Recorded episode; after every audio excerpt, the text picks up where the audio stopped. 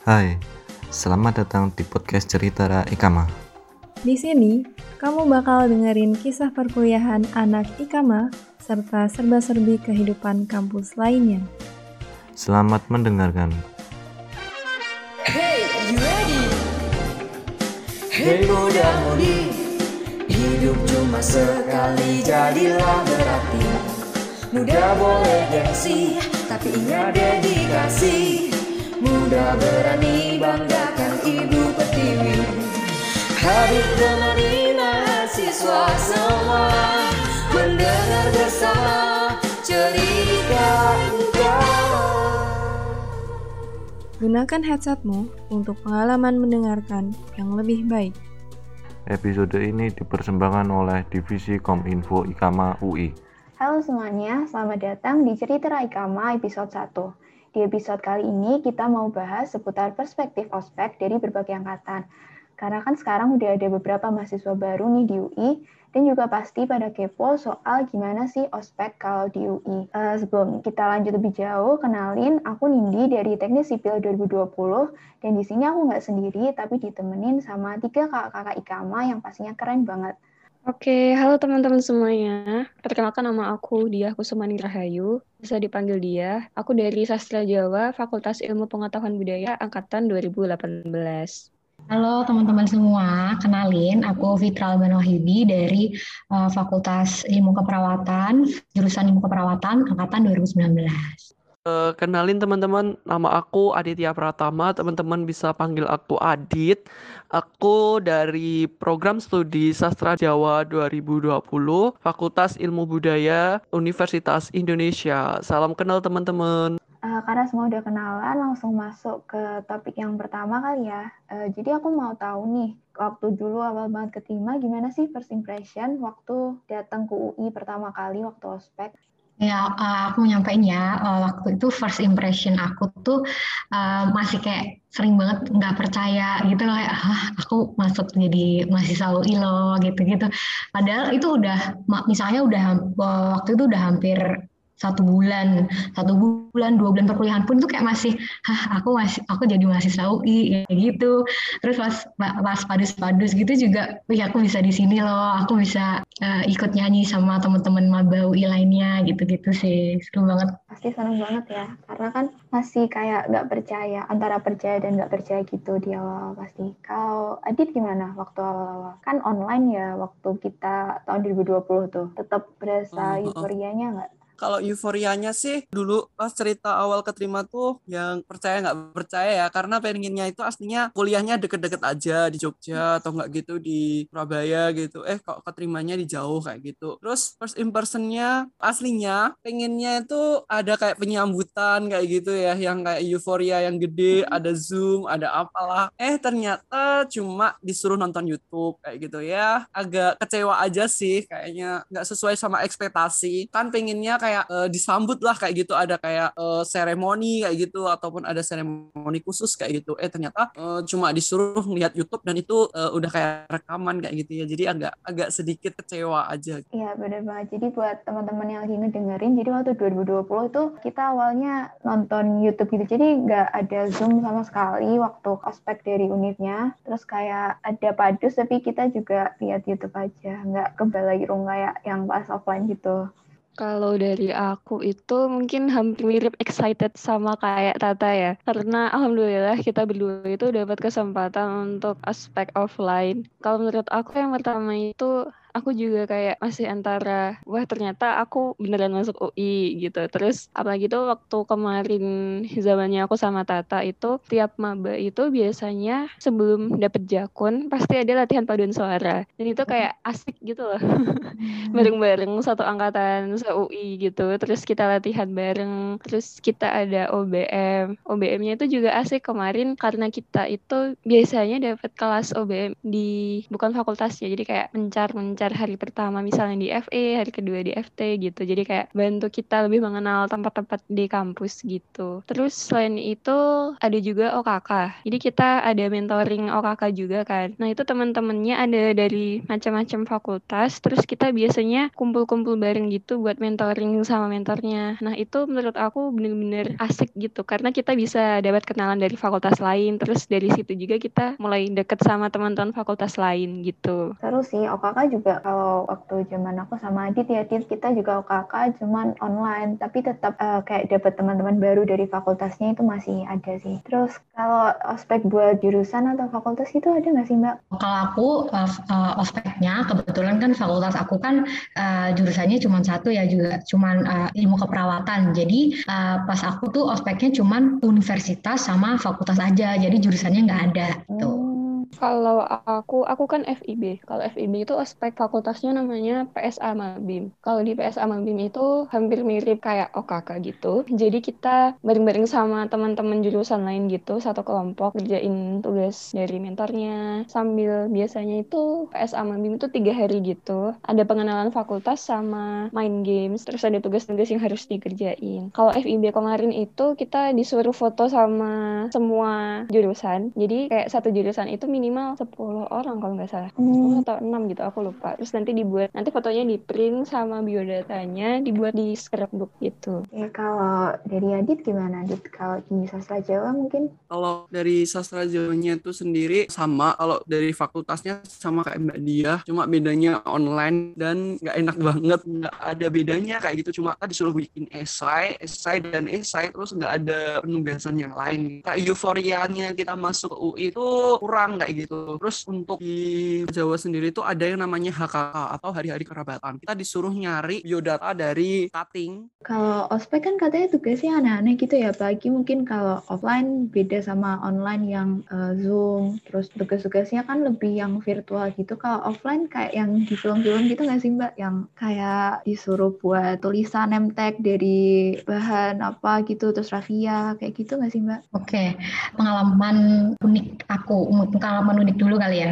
Bener-bener pas, kalau menurut aku tuh dari ospek unif. Kenapa? Karena di ospek unif kan kita nyanyi-nyanyi itu di Balairung, nyanyi-nyanyi dari pagi sampai siang gitu. Nah, lucunya tuh pas udah selesai tuh bener-bener kan itu ospeknya tuh kayak harus wajib datang karena apa? Karena waktu selesainya tuh bakalan dapat kartu datang sama kartu pulang. Nah, kartunya itu buat uh, ngambil jakun gitu. Jadi pas ngambil jakun tuh bener-bener harus lengkap dari awal sampai akhir pas datang sama pulang harus lengkap banget. Jadi kayak bener-bener orang 8000 orang kan pas tahunku tuh 8000 orang itu ngantri keluar balairung itu kayak ya Allah banyak banget ngantri satu baris. Bayangin coba 8000 orang ya, itu sih terus kalau tugas-tugasnya uh, kalau dari pas tahunku itu bikin nemtek iya cuman kalau yang aneh-aneh itu enggak sih tapi mungkin emang ribet ya belum juga ada tugas-tugas dari ospek fakultas jadi kayak emang emang banyak gitu. Jadi ribetnya tuh bukan karena yang bahannya susah atau gimana, tapi karena emang tugasnya itu uh, banyak dan banyaknya tuh kalau menurut aku tetap bermanfaat sih. Gak ada perpeloncoan sama sekali sih kalau menurut aku di ospeknya UNIF hmm. sama fakultas. Itu tadi kalau nggak lengkap ya nggak bisa ambil jakun ya mbak? Iya bener, susah banget nggak bisa ambil jakun. Makanya kadang eh, teman aku tuh sampai sekarang ada yang belum dapat jakun karena dia kartunya nggak lengkap. Sampai iya. sekarang nggak bisa beneran berarti? Iya nggak bisa, jadi dia memang nggak ada jakun. Wow. Entah sih itu nanti di itu ya kayak gimana. Tapi dia emang nggak dapat karena nggak lengkap itu. Kalau Mbak Dia juga gitu nggak sih Mbak? Oh iya. Jadi kalau aku kemarin itu sama kayak Tata harus ngumpulin tiketnya itu juga lengkap. Tapi aku kemarin itu kurang satu sebenarnya karena aku nggak ikut oh. PCK kalau nggak salah. iya. Tapi itu aku denger tips dari teman-teman yang lain gitu katanya kalau misalnya antri ambil jakun. Kalau milih menuanya itu menua yang cowok. Karena apa? Biasanya nggak terlalu ditanyain gitu kan. Terus oh. aku tuh kebetulan antri, antri kan banyak ribuan orang gitu. Aku udah antri dari pagi, terus ternyata waktu giliran aku mau deket ke antrian aku, ternyata itu istirahat sholat duhur. kan harus nunggu, harus nunggu yeah. ya. Nah pas antri lagi itu aku milih menu yang cowok karena pasti orang-orang itu lebih dikit dramanya nggak terlalu ditanya-tanyain gitu. Ya udah aku akhirnya milih menwa cowok dan itu keputusan yang bagus sih. Soalnya aku cuma ditanyain kok nggak lengkap? Kok kurang satu? Kenapa? Terus aku bilang nggak ikut PCK loh kenapa gak ikut PCK terus aku cerita sebenarnya aku ikut tapi kelupaan dikasih kartu gitu. Terus aku terlanjur pulang duluan juga kan kayak udah ya udahlah menyerah gitu terus akhirnya itu sama kakak menwanya oh ya udah ya udah dapet deh Oh ya, jadi tips ya itu teman-teman. Kalau misalkan nanti ospek Iya. offline mungkin bisa eh, ke menwa yang cowok aja. Eh, kalau Adit ke online nih gimana? Eh, ada lucu sih kemarin terutama pembagian jakun ya. Ada momen lucu di angkatan 2020 jadi jakun tuh dibagikan per kloter kayak gitu kan. Ada kloter 1 sama kloter 2 nah pas kloter 1 tuh apa ya pembagian jakunnya tuh nggak merakyat. Kloter 2 pun juga sih tapi lebih fleksibel. Karena yang diprioritaskan dibagi tuh yang yang anak jabuk tuh area yang lain nggak boleh. Tapi ada lucunya nih kemarin tuh kan ada nih temenku yang anak jabuk jadi nitip jakun ke anak jabuk jadi kita cuma setor IDM terus dikasihkan ke temen kita yang ada di jabuk lucunya aku kan ikut pembagian yang pertama. Di sana tuh ditanyain dari mana mas asalnya? Kok bawa banyak banget IDM-nya tapi bener sih kata Mbak Dia sama Mbak Tata juga kalau yang jaga itu cowok gampang. Jadi kemarin tuh temanku bilang, "Pak, saya dari Banyuwangi, Pak. Saya udah lama, Pak, di sini, Pak. Oh, saya mau pulang, Pak. Keluarga saya kangen, Pak. Ini teman saya titip banyak." Akhirnya sama bapaknya, "Ya udah, tapi jangan bilang-bilang ya." Jadi karena itu tuh boleh. Akhirnya aku bisa pakai jakun tuh di kloter pertama. Seneng banget katanya belum jadi anak UI kalau belum pakai jakun. ya, tapi kalau yang udah kloter 2 sih udah banyak yang just tip just tip kayak gitu dan menwanya udah hafal ini pasti titipan dari anak daerah. Tapi kalau dapat pas gelombang pertama tuh kayak seneng banget. Ya. Penuh effort ya. Bener kayak kayak nganu Mbak, yang lain belum pada dapet kita udah dapet. bener bener bener bener. Nanti kurang foto di depan rektorat aja ya, Dit. Berarti. Kalau tugas-tugasnya gimana, Dit? Kalau online juga banyak gitu nggak sih? Kalau online tugas-tugasnya sih lebih enak aja ya kita bisa kerjasama. Maksudnya kerjasama kita bikin ruang zoom bareng. Kita bahas oh ini ada tugas ini loh. Eh kita sabi yuk kerjain bareng. Kalau offline kan mungkin juga terbatas ya. Maksudnya ketemunya kayak gitu. Tapi kalau online tuh bisa kita bisa malam, bisa pagi. Enaknya itu. Terus kerjasama dalam mengerjakan tugasnya tuh lebih kerasa. Tapi nggak enaknya ya kita nggak dapat euforianya, kebersamaannya ataupun feel-nya itu nggak dapet. Iya, setuju sih sama Adit. Kalau Mbak Tata setuju nggak tuh? Bisa sampai malam-malam gitu juga nggak, Mbak? Kalau waktu zamannya Mbak Tata? Kalau pas zamanku sih bener sih sama aja sih sama kayak Adit. Kenapa? Karena kan kita ospek pulangnya sore maghrib gitu. Habis itu eh, baru bisa bersih-bersih, terus baru bisa habis itu baru bisa ngerjain. Jadi kadang tuh sampai ngerjainnya itu sampai malam banget.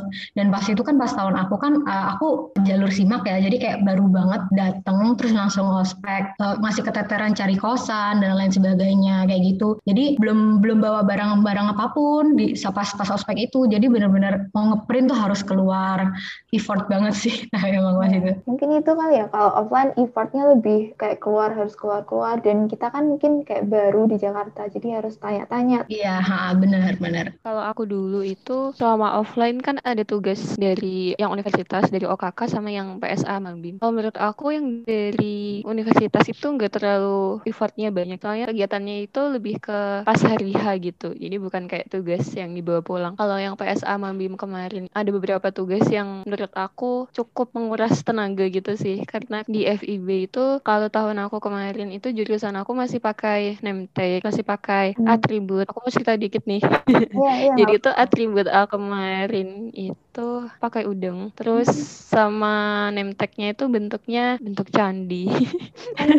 Terus buat scrapbook fakultasnya itu kemarin bikin dari sampulnya itu kayak kardus. Terus isinya itu HVS bekas. Terus kita harus nempelin foto-foto minimal itu 75 orang dari seluruh FIB gitu sama biodatanya. Nah, itu cukup capek sih, tapi enaknya itu kita bisa punya kenalan banyak karena kita kan tuker-tukeran Instagram atau lain gitu juga kan. Jadi kalau misalnya ada apa-apa. Itu enak gitu cari temennya. Terus waktu masuk kuliah pun waktu mata kuliah MPKTA atau B itu kan juga sekelas sama anak jurusan lain. Nah kalau misalnya udah kenal dari zaman PS sama BIM itu seneng aja gitu ketemu lagi gitu. Terus untuk FIB kemarin itu selain bikin scrapbook sama foto itu tugasnya esai-esai gitu sih. Mirip-mirip sama Adit sama Tata. Menurut aku cukup seru juga soalnya kalau bikin scrapbook kemarin itu harus bareng-bareng sama temen kelompok mentornya. Jadi nggak ada yang saling mendahului harus bareng Hmm. selesainya juga bareng Eh, aku sama Adi juga kenalan, tapi lewat chat itu kayak beda tuh depan kalau kita ketemu langsung pastinya. Jadi ospek tuh bermanfaat salah satunya buat nambah kenalan gitu ya Mbak. Mungkin dari jurusannya sendiri atau juga dari jurusan lain. Iya, sebenarnya ospek sepengalamanku ya, nggak terlalu memberatkan yang sampai bener-bener. Kalau misalnya kalian nemu berita di TV atau di internet tuh ospek Universitas X itu benar-benar memberatkan mahasiswanya. Terus bikin mahasiswanya kenapa? Kenapa? Karena ada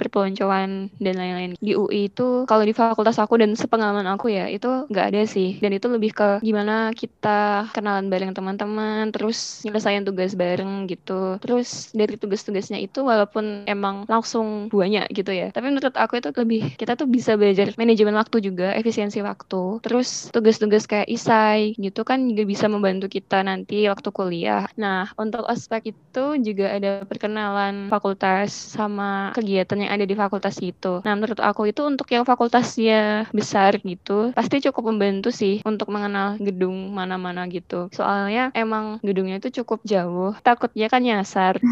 Kalau eh, manfaat dari ospek sih aku setuju banget sama Mbak Diah ya. Kenapa? Karena kalau menurut aku tuh benar-benar nggak ada perpeloncoan kayak yang kemarin di berita-berita gitu. Pas tahun aku tuh ada tuh berita ospek yang aduh parah di UI itu benar-benar nggak ada. Dan kalau susah pun tuh kayak susahnya tuh banyak manfaatnya gitu loh. Kayak ya bener kayak bikin esai, terus bikin tulisan kayak gitu-gitu. Jadi pasti ada aja nilai yang diambil dari tugas-tugas yang dikasih gitu. Kemarin tuh sempet aku ada kesalahan di esai aku gitu. Itu bener-bener jadi pembelajaran banget, bermanfaat banget buat perkuliahan gue yang sekarang gitu sih. Pokoknya banyak banget manfaatnya tuh ospek itu. Kalau di jurusanku sih kayak relate kayak gitu ya. Kita disuruh buat esai, kita disuruh buat makalah, kita dikejar deadline kayak gitu. Menurut Hmm. aku sih walaupun online juga ada manfaatnya. Kayak kita terbiasa kayak gitu dalam membuat artikel ilmiah dengan dikasihnya tugas ospek yang banyak terus deadline-nya juga singkat. Jadi terbiasa ketika kuliah dikasih tugasnya berjibun, udah dikenalin nih waktu ospek juga udah ngalamin kayak gini. Mental kita siap mula-mula aku dulunya tuh mama tidur jam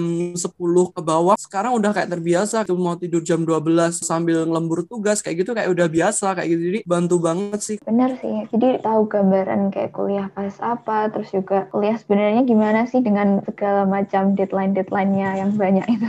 Mungkin terakhir buat nutup, aku mau minta dari masing-masing nih buat nyebutin tiga kata yang bisa mendefinisikan ospek UI. tiga kata yang menggambarkan ospek UI ya. Kalau dari aku itu yang pertama seru. Soalnya emang aku merasakannya itu seru. Terus yang kedua itu manfaat karena aku sendiri aku pribadi pun merasakan manfaat dari ospek itu sendiri. Dari bisa manajemen waktu, terus mulai terbiasa sama tugas-tugas, sama mengenal teman-teman yang lain. Terus yang ketiga itu menarik karena ospek di UI itu selalu menarik gitu. Terutama yang universitas karena biasanya itu mengundang speaker yang terkenal gitu. Senang excited banget ketika tahu kita oh dikasih motivasi sama idola kita. Terus ternyata alumni-alumni kita itu banyak memberikan impact di lingkungan kita juga gitu. Jadi kayak makin termotivasi untuk bisa mencontoh. Mungkin kalau dari aku katanya nyambung aja kali ya, sangat luar biasa, weh. Udah sangat luar biasa. Iya, memang emang luar biasa sih kalau dari yang digambarin sama teman-teman tadi emang ospek di UI selain seru-seru tapi juga tetap bermanfaat. Kalau dari Adit Iya, benar.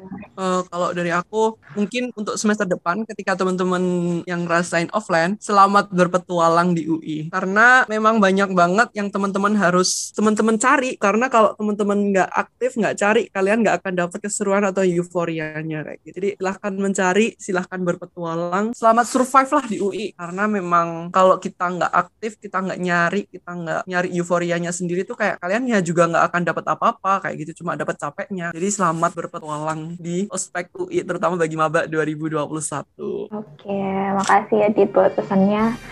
Nggak kerasa ya, sharing hari ini harus kita tutup dulu nih. Terima kasih juga buat semua yang udah ngedengerin cerita Raikama dari awal sampai akhir. Semoga bisa nambah pengetahuan seputar ospek UI dan mungkin bagi adik-adik yang lagi berjuang buat masuk UI semakin termotivasi. Oke, see you semuanya. Hei muda mudi Hidup cuma sekali jadilah berarti Muda boleh gengsi Tapi ingat dedikasi Muda berani banggakan ibu pertiwi. Habib temani mahasiswa semua